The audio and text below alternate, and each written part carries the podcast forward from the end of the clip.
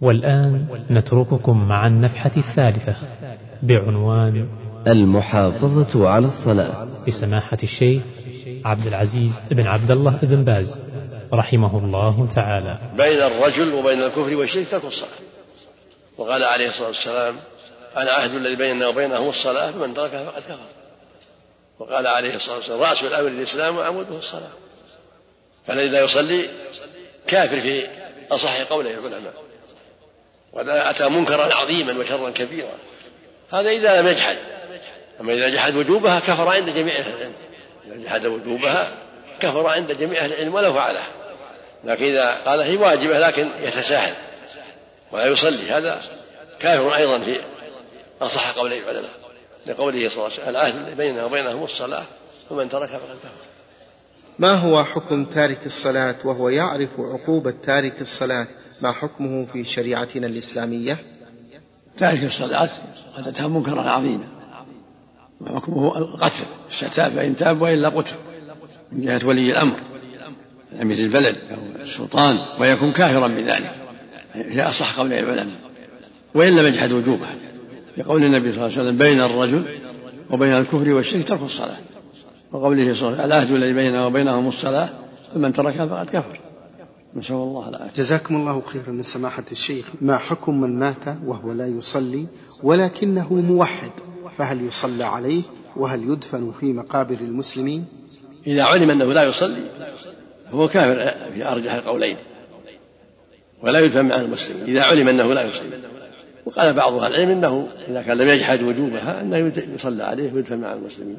ولكن أرجح أنه إذا علم بالبينة الشرعية أنه يترك الصلاة فإنه يكفر بذلك.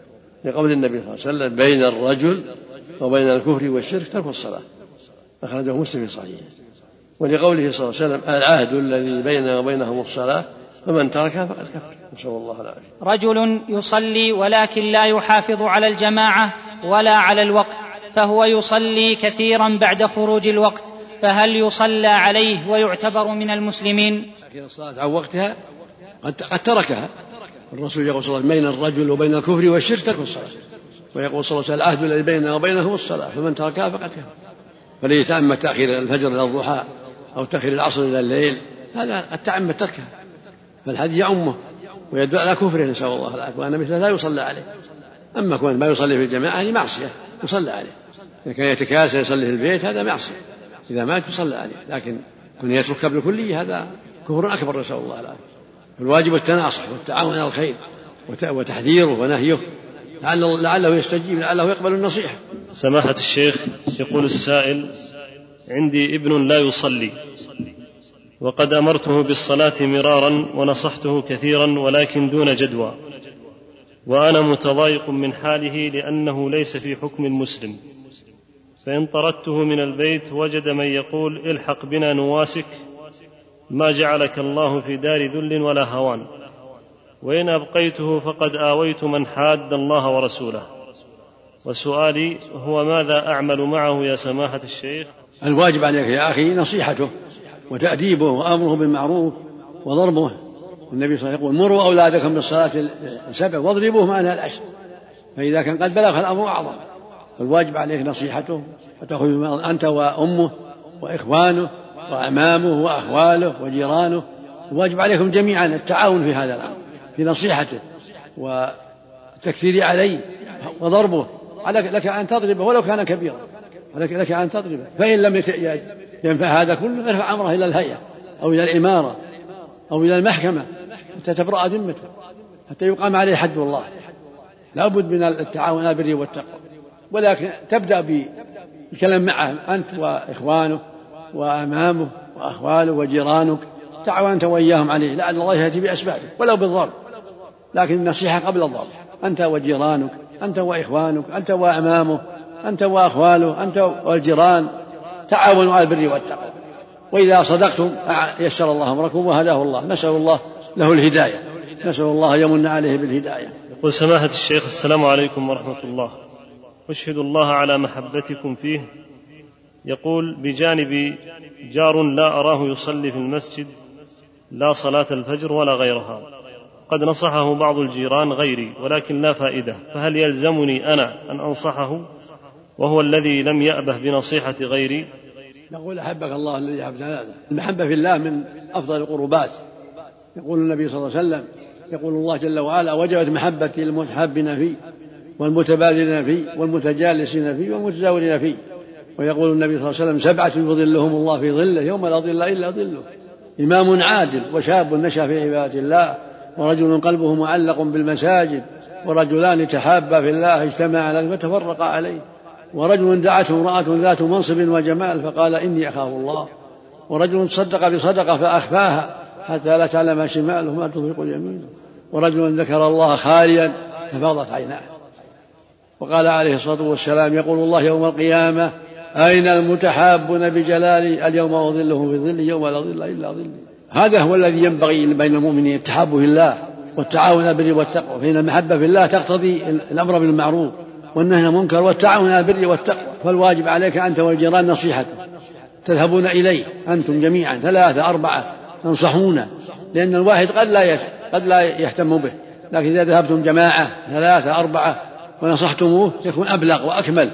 واتقوا الله في ذلك وأحبوا له الخير واجتهدوا جزاكم الله خير. أعينوه على نفسه وأعينوه على شيطانه. تعاونوا جزاكم الله خير. أنت والجيران. تذهبون إليه وتنصحونه حتى يحافظ على الصلاة في الجماعة. فإن لم يجد هذا فارفع أمره إلى الهيئة إلى الإمارة حتى تقوم بواجبها. الهيئة أولا حتى تقوم بواجبها نحوه. وأنتم أولا ابدأوا بأنفسكم. زوروه جميعا وكرروا عليه لعل الله ينفعه بجهادكم ولكم مثل أجره.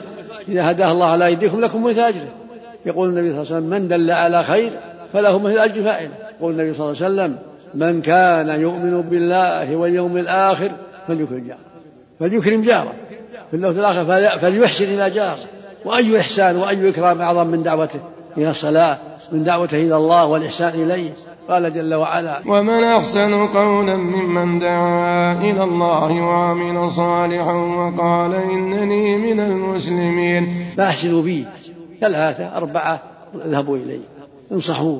وجهوا إلى الخير. لعل الله ينفع بتوجيهكم وإنكاركم ودعوتكم ويكون لكم مثل أجره. وسماحة الشيخ والدي لا يصلي. فماذا أفعل وكيف أتعامل معه؟ تنصحه.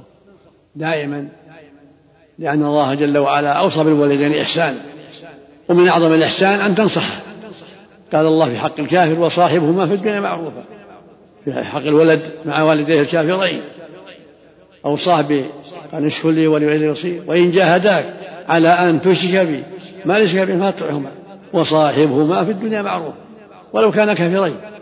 قال وصاحبهما في الدنيا معروف واتبع سبيل من إليه. فعليك أن تنصحهما.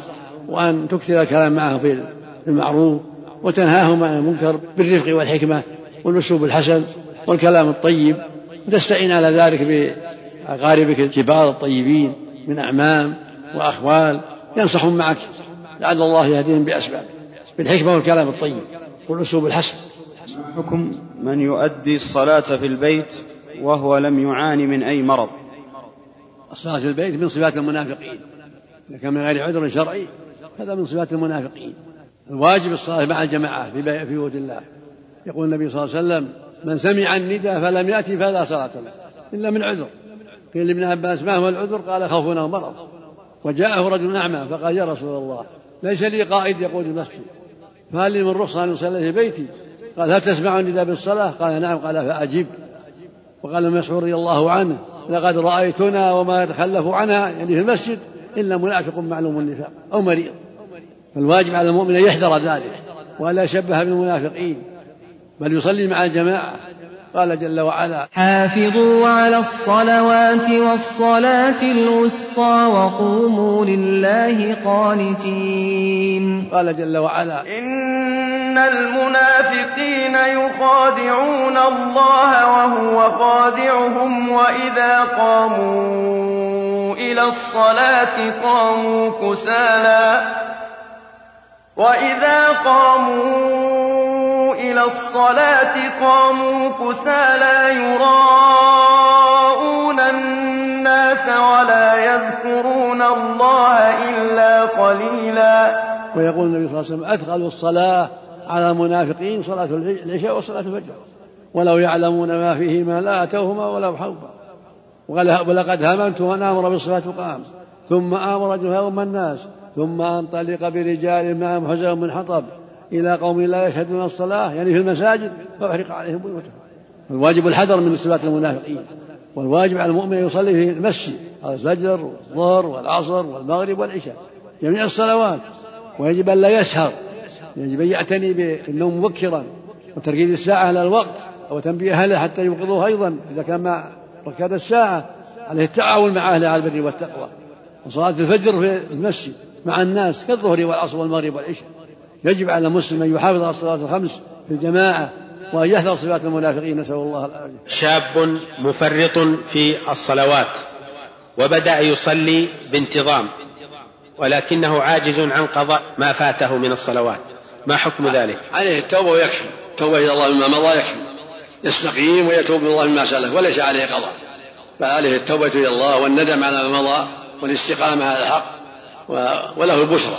قال تعالى إن الذين قالوا ربنا الله ثم استقاموا تتنزل عليهم الملائكة ألا تخافوا ولا تحزنوا وأبشروا بالجنة التي كنتم توعدون. قال النبي صلى الله عليه وسلم التوبة تجب ما قبلها.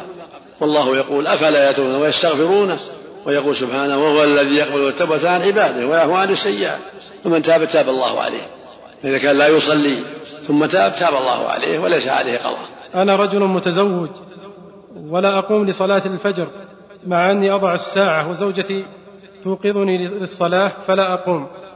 فما توجهوني؟ شبهم بأهل النفاق.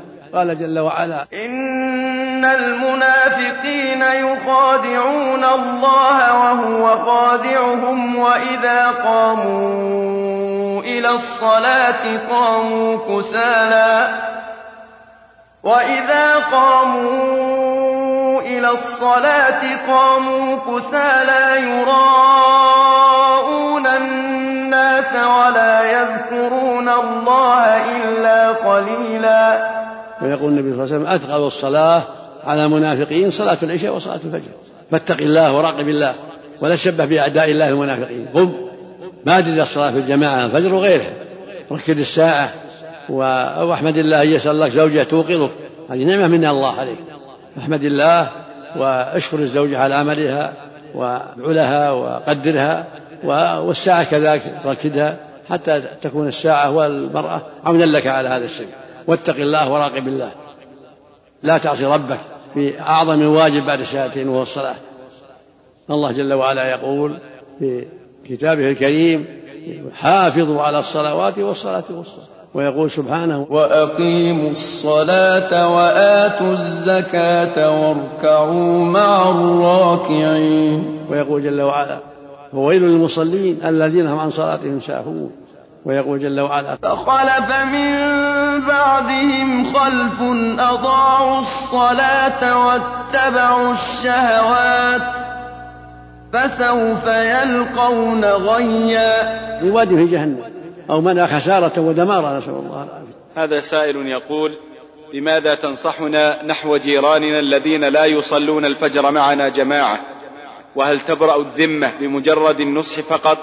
وما الواجب عمله معهم؟ أرجو إرشادنا لما فيه الخير للجميع.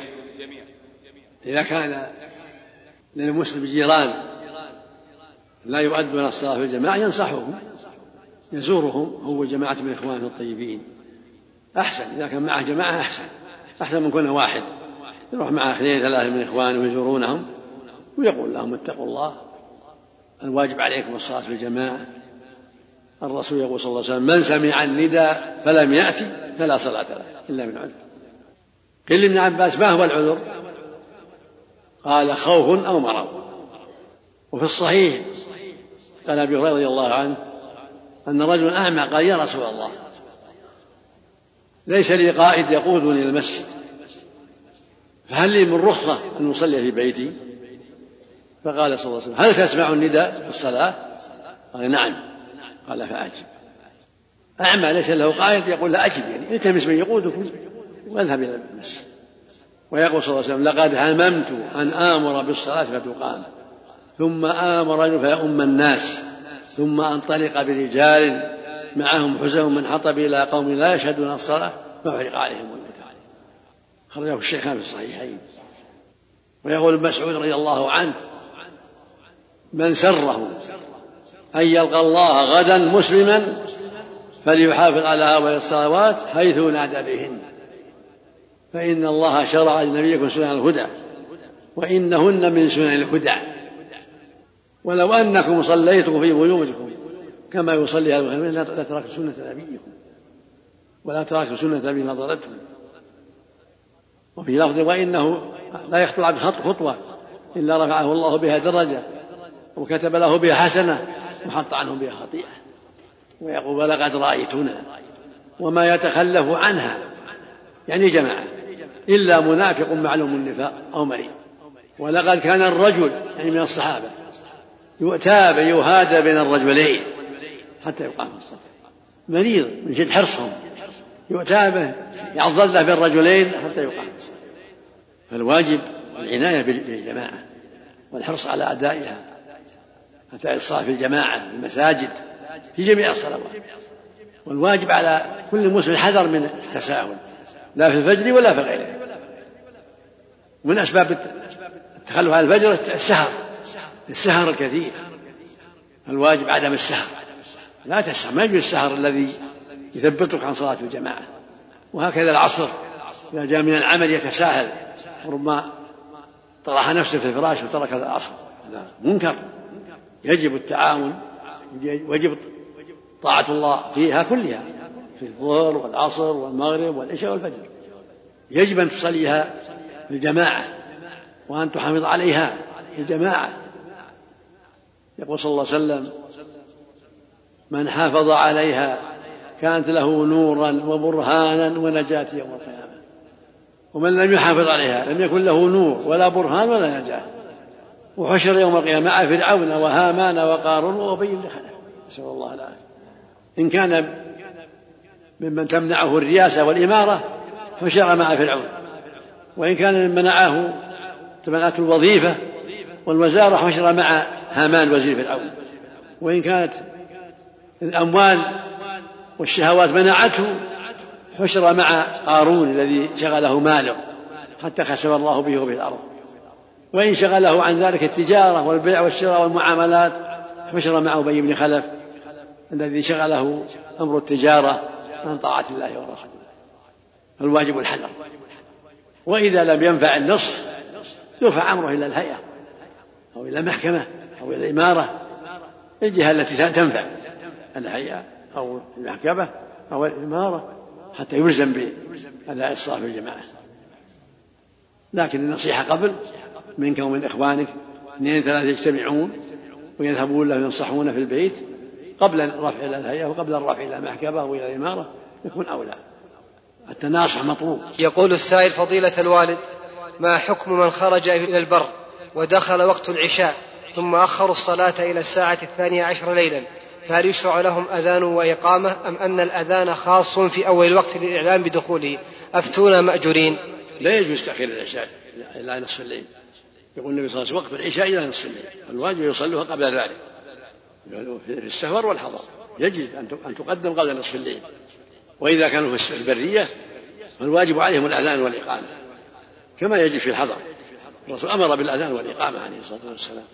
فيؤذنون ويقيمون ولكن لا يؤخرونها إلى نصف الليل قبل ذلك قبل نصف الليل. سماحة الشيخ السلام عليكم ورحمة الله وبركاته. لدي مشكلة وأنا متحير منها وهي مشكلة تخص تختص بوالدي حيث أنه كان مريضا ويصلي بالمنزل والآن شفي ولله الحمد ولكنه متساهل بالصلاة ولا يزال يصلي بالمنزل ولا يصلي مع جماعة المسلمين وبعض الأوقات لا يصلي إلا متأخرا. والسبب في ذلك أنه يتابع التلفاز وسألت بعض المشايخ فقال لي اجعل إمام المسجد ينصحه. فقمت بذلك أنا والإمام ولكن دون جدوى. سؤالي يا فضيلة الشيخ ماذا يجب علي أن أفعل في هذا الموقف؟ أفتني مأجورا وأثابك الله. الواجب عليك متابعة النصيحة بالرفق بالرفق والحكمة. قال الله جل وعلا في وصف الذي أبواه كافران ووصينا الإنسان بوالديه حملته أمه وهنا على وهن وفصاله في عامين. وفصاله في عامين أن اشكر لي ولوالديك إلي المصير. وإن جاهداك على تشرك بي ما ليس لك به علم فلا تطعهما وصاحبهما في الدنيا معروفا فعليك أن تصحبه بالمعروف وأن تنصح له. تدعو الله في الغيب أن الله يوفقه ويهديه. تدعو الله في سجودك في آخر صلاتك في آخر الليل أن يوفق آباك للخير وأن يشرح صدره للخير وأن يعينه على طاعة الله ورسوله وتستمر معه الكلام الطيب والنصيحة وتستعين بمن ترى من إخوانك الطيبين يروحون له من إخوانك الطيبين سواء إمام مسجد ولا غيره. اثنين ثلاثة أربعة يزورونه وينصحونه ويوجهونه إلى الخير وأنت سوف تنجح إن شاء الله. فلا تغفل وعليك بدعاء الله. اضرع إلى الله أن يوفقه وأن يهدي قلبه للإيمان وأن يعيذه من الشيطان وأحرص على نصيحته بالأسلوب الحسن والرفق والحكمة. وكذلك بالتعاون مع إخوانك الطيبين من جيرانك يزورونه وينصحونه. نسأل الله له الهداية. نسأل الله يهدي أباك. نسأل الله يشرح صدره إلى الحق.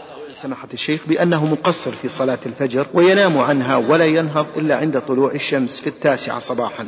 ويأخذ بالاحتياط ويعمل جميع الوسائل ولكن بدون فائدة. ويشعر بعد ذلك بالضجر والضيق والحزن. فأرجو من, سماحة الشيخ يقول النصح والتوجيه لجزاكم الله خيرا.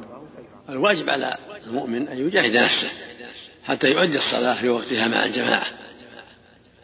وأنت أيها السائل يجب عليك أن تعتني بهذا الأمر.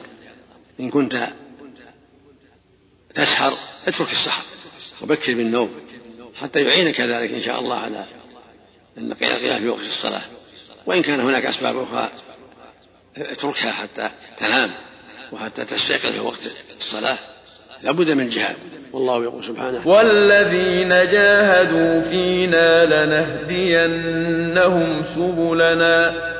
وإن الله لمع المحسنين. لا بد من جهاد ولا بد من صبر. عالج الأمر بالشيء الذي تستطيعه ادرس الأسباب التي تسبب لك هذا الكسل وهذا الضعف حتى تعرف الأسباب. وابتعد عنها. سواء كانت الأسباب تتعلق بالسهر أو بأسباب بأشياء أخرى. حتى تنام مستريح وتقوم على الوقت تركت الساعة على الوقت الذي يناسب سواء وقت الأذان أو قبلها بقليل حتى يتيسر لك الوضوء أو الغسل كان عليك غسل بسهولة. المقصود لا بد من علاج. وسؤال الله التوفيق والإعانة. ولا تضعف في هذا الأمر. يجب أن تعالج بتوكيب النوم وبتعاطي أسباب اليقظة في وقت الصلاة. سماحة الشيخ أيضا هل له أن يوصي الجيران والإخوان الحريصين على صلاة الفجر لإيقاظه في ذلك؟ نعم طيب. هذا من باب التعاون من باب التعاون من باب التعاون إذا كان قد ينام وقد لا يسمع الساعة في شدة لابد يوصي أهله اللي عنده في البيت أمه وأخواته. يجاهدون معه يوقظونه عليهم التعاون معه. الله جل وعلا يقول وتعاونوا على البر والتقوى. فعلى أمه وعلى أخته وعلى من في البيت أن يساعدوا في هذا لأنه قد لا يسمع الساعة شدة نومه يخطي كثير من المرضى سماحة الشيخ في الصلاة فمنهم من لا يصلي بحجة أن ثيابه نجسة. أو أنه لا يستطيع الوضوء ويؤجل الصلوات حتى يخرج من المستشفى أو يجمعها ثم يصليها. هل من إيضاح للإخوة المرضى حول ذلك؟ الواجب على المريض أن يتقي الله وأن يراقب الله وأن يصلي الصلاة في وقتها. لا يجوز له تأخيرها عن أوقاتها. فإذا احتاج الجمع جمع بين الصلاتين بين الظهر والعصر والمغرب والعشاء. أما تأخيرها عن وقتها لا يجوز. قال عمران بن حسين رضي الله عنه وهو مريض. يا رسول الله ويسأل صلاة المريض.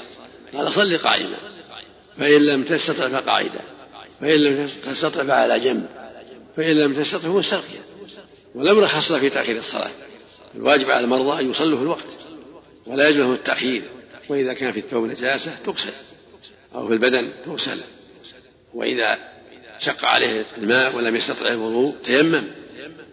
لا يكلف الله نفسا إلا وسعها. فالعاجز عن الوضوء لمرضه يتيمم. ويصلي الصلاة في وقتها الظهر في وقتها والعصر في وقتها والمغرب في وقتها والعشاء في وقتها والفجر في وقتها ولا بأس بالجمع. إذا دعت الحاجة إلى الجمع جمع بين الظهر والعصر في وقت إحداهما وبين المغرب والعشاء في وقت إحداهما لا بأس. إذا شق عليه أن يصلي كل صلاة في وقتها جمع بينهما للمرض كما يجمع المسافر. أما أن يؤخر المغرب عن وقتها أو العشاء عن وقتها أو الفجر عن وقتها. هذا لا يجوز بل يجب عليه أن يصلي في وقتها والوقتان وقت واحد. إن جمع إذا جمع بينهما بين الظهر والعصر كان وقتهما واحدا. وإذا جمع بين المغرب والعشاء صار وقتهما واحدا. لكن لا يؤخر العصر إلى أن تصفر الشمس ولا يؤخر الظهر إلى وقت العصر إلا إذا نوى الجمع. وهكذا المغرب والعشاء. لا يؤخرها إلا بعد غروب الشفق إلا إذا كان عاجزا يريد الجمع فلا بأس يؤخرها مع العشاء أو يقدم العشاء معه. أما التساهل في هذا الأمر فلا يجوز وخروجها وإخراجها عن وقتها عمدا من دون عذر شرعي كفر. يقول النبي صلى الله عليه وسلم بين الرجل وبين الكفر والشرك ترك الصلاة. ويقول صلى الله عليه وسلم العهد الذي بيننا وبينهم الصلاة فمن تركها فقد كفر. والذي يتعمد تركها عن وقتها يتعمد تركها حتى لا يصلي إلا بعد الشمس أو عندما يذهب العمل هذا تعمد تركه هذا كفر عند جمع من أهل العلم. الواجب الحذر. نسأل الله السلامة والعافية. اللهم آمين. أحسن الله إليكم وبارك فيكم. سماحة الشيخ. سماحة الشيخ تشكو بعض الأسر من تقصير الأب وهو الراعي في البيت في الصلاة. ما توجيهكم للأباء حول المحافظة على الصلاة؟ سماحة الشيخ. الواجب على جميع المسلمين العناية بالصلاة والمحافظة عليها لأنها عمود الإسلام. من حفظها حفظ دينه. ومن ضيعها ضيع دينه ولا حول ولا قوة إلا بالله. والله يقول سبحانه حافظوا على الصلوات والصلاة الوسطى وقوموا لله قانتين. والله يقول سبحانه وأقيموا الصلاة وآتوا الزكاة واركعوا مع الراكعين. فيقول جل وعلا وأقيموا الصلاة إن الصلاة تنهى عن الفحشاء والمنكر. والنبي صلى الله عليه وسلم يقول في الحديث الصحيح؟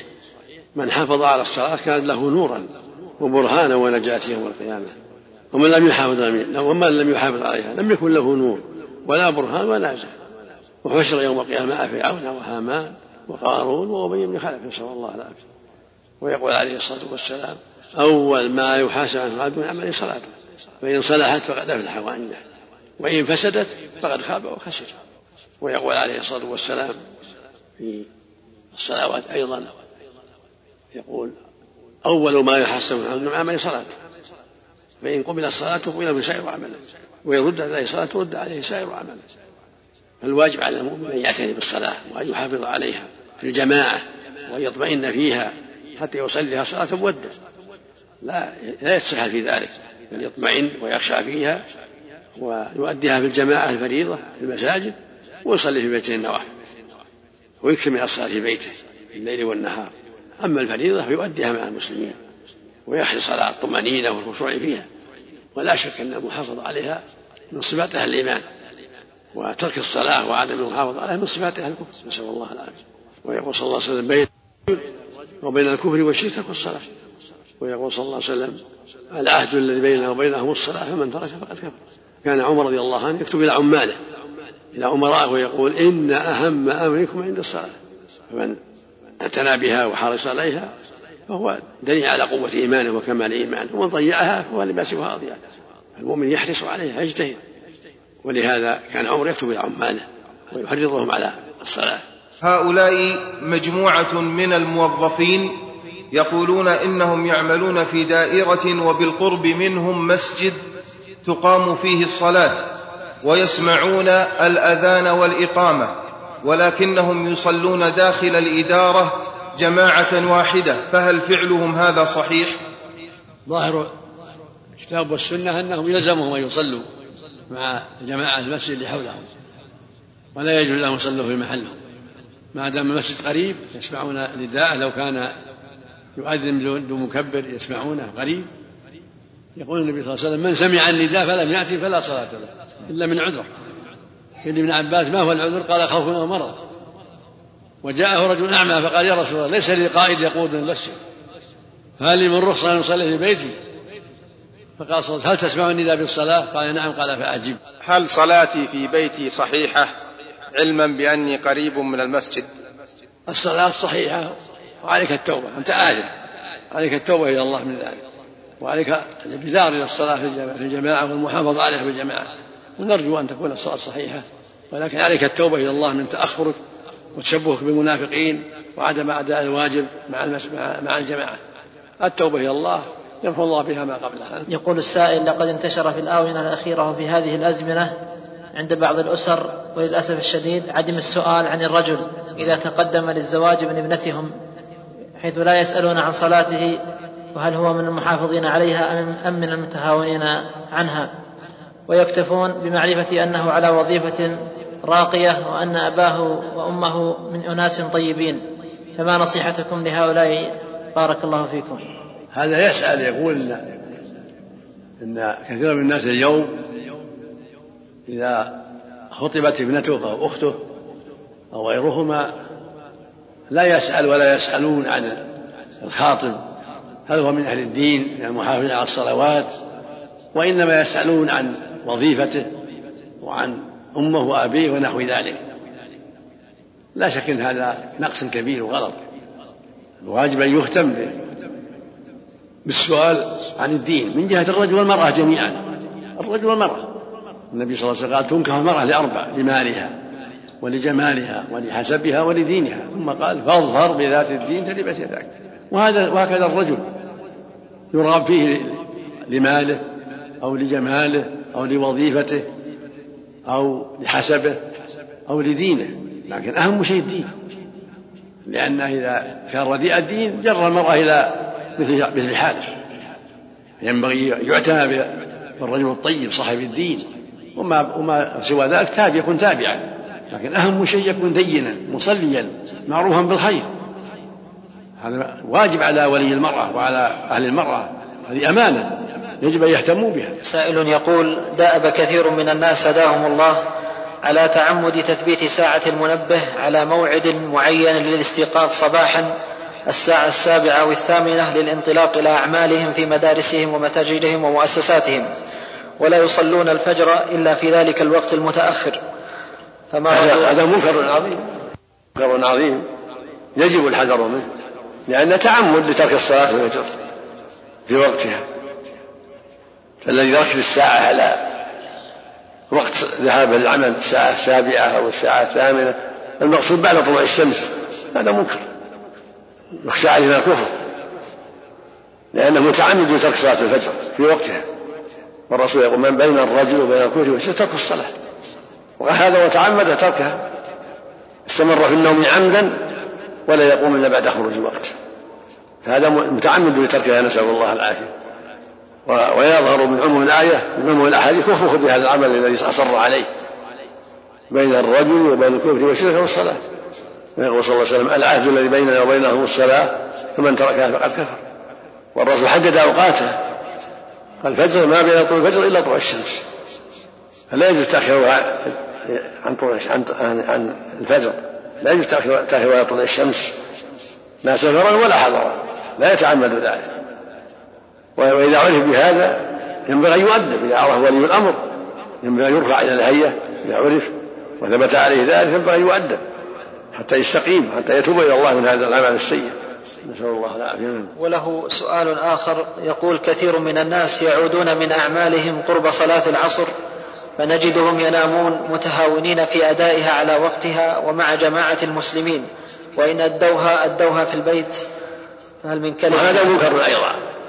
كثير من الناس يأتي بعد نهاية العمل قرب العصر فيضيع صلاة العصر. هذا منكر عظيم أيضا.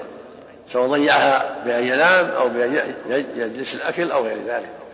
يجب أن يبدأ بالصلاة ثم يرجع إلى بيته لحاجته من الراحة الأكل وغير ذلك. ولهذا قال صلى الله عليه وسلم من ترك صلاة العصر حبط عمله.